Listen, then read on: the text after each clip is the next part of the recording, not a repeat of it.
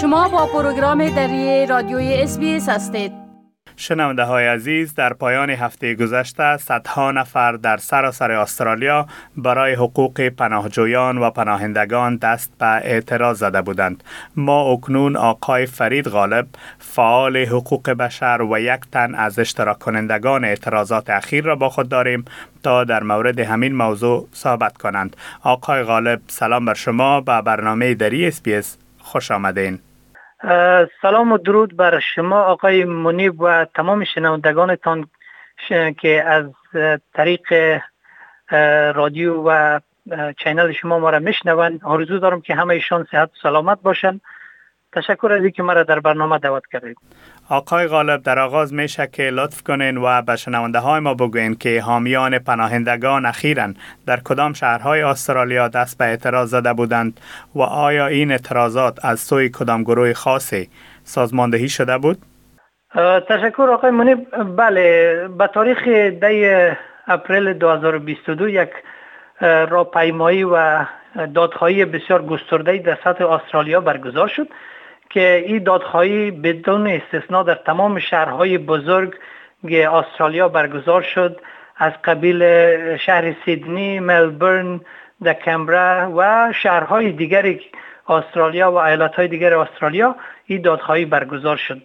و هدف از این دادخواهی ای بود که سیاست های نادرست و غیر انسانی که دولت استرالیا دولت فعلی استرالیا در قبال مهاجرین و پناهجویان داره را می‌خواستند که تقبیه کنند و دادخواهی برای تغییر امی سیاست های نادرست کردند که می‌خواستند صدای کسانی باشند که نمی‌تونن صدای خود بلند کنند و شرایطی که وجود داره برشان شرایط بسیار زیق است. و این مردم از تیف های مختلف جامعه بودن از قبیل مذهبی ها بودن. سیاستمدارها بودند و شهروندان عادی و فعالان حقوق مهاجرین و حقوق بشر استرالیا در این سهیم بودند باید خاطر نشان بسازم که هماهنگی این گرد همایی راهپیمایی را یک نهادی به نام RACS Refugee Coalition Action به دوش داشت که اونا را برگزار کرده بودن هماهنگی شد. ولی اشتراک کننده ها از تمام سطوح جمعه بودن قسمی که گفتم از از حتی از کلیساها در اینجا اشتراک کردن می‌خواستن و دادخواهی کنن و همچنان از مسلمان ها در اشتراک کردن و سیاستمدارا همچنان حضور داشتن آقای غالب هفته گذشته آخرین پناهجویان بازداشتی از پارک هتل ملبورن رها شدند. آیا شما و دیگر حامیان پناهندگان از این تصمیم حکومت راضی هستید؟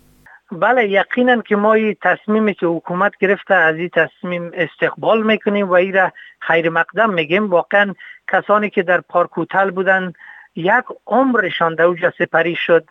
نه سال حدود نه سال اونا در توقیف به سر بردن. آزادیشان سلب شد و این بسیار دردآور است در کشوری مثل استرالیا که ما داد از حقوق انسانی و دموکراسی و آزادی می‌زنیم این انسان ها برای نو سال از آزادیشان محروم ماندن فقط به جرم ای که می‌خواستن جانهای خود نجات بتن به جرم پناهجویی متاسفانه. ولی ما این ای تصمیم حکومت استقبال می‌کنیم.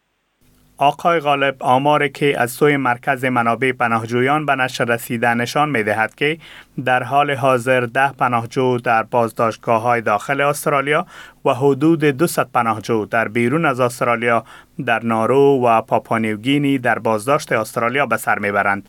آیا خواست شما این است که آنها تنها رها شوند یا هم باید با استرالیا آورده شوند؟ یقینا یکی از مواردی که در دمی دادخواهی های هفته گذشته ما داشتیم این بود که باید نظارت خانه ها و توقیف خانه های آفشور یا بیرون از استرالیا که وجود دارن اینا بسته شوند و کسانی که در این داد توقیف خانه ها به سر می‌برند اینا باید به جای امن انتقال داده شود یعنی به جایی که جانشان در خطر نباشه. یقینا که کسایی که در این توقیف خانه ها به سر می‌برن اینا از ترس جان آمدن که به استرالیا پناه ببرن. به قول شاعر معروف که میگه ما در این در نپی اشمت و جا آمده ایم از بدی حادثه اینجا به پناه آمده ایم اینا به خاطر منزلت و مقام و جای و اینا نامدن. فقط برای این آمده که جانشان نجات بدن. بنان این مسئولیت انسانی و اخلاقی و حقوق بشری استرالیا که به این پناهجویان پناه بده. و ما می‌خوایم یادآور شوم که همین توقیف خانه هایی که استرالیا در در پاپیونوگینی و نیرو اینها هزینه های بسیار انگفتی به مردم استرالیا دارند حدود یک بیلیون دلار در یک سال در این توقیف خانه ها به سر می‌بره. و در ضمن نه تنها ای که مصارف انگفت داره بلکه یعنی شرا... اون انسان هایی که در برای پنج سال شش سال به سر می‌برن بعد از هم که آزاد میشن متاسفانه از امراض گوناگون روانی رنج می‌برن و اونها متاسفانه برتان بگویم که دیگه نمی‌تونن که زندگی عادی خود به شکل درست پیش ببرن و امو درد و رنجی که در اون زندان و در توقیف خانه برشان دچار میشه تا سالهای سال همراهشان باقی میمونه.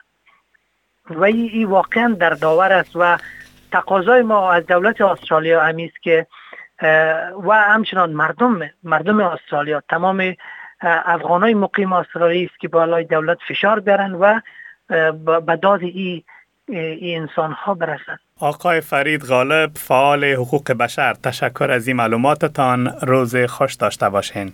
جهان سپاس از شما. تشکر. می خواهید این گناه گزارش ها را بیشتر بشنوید؟ با این گزارشات از طریق اپل پادکاست، گوگل پادکاست، سپاتیفای و یا هر جایی که پادکاستتان را می گیرید گوش دهید.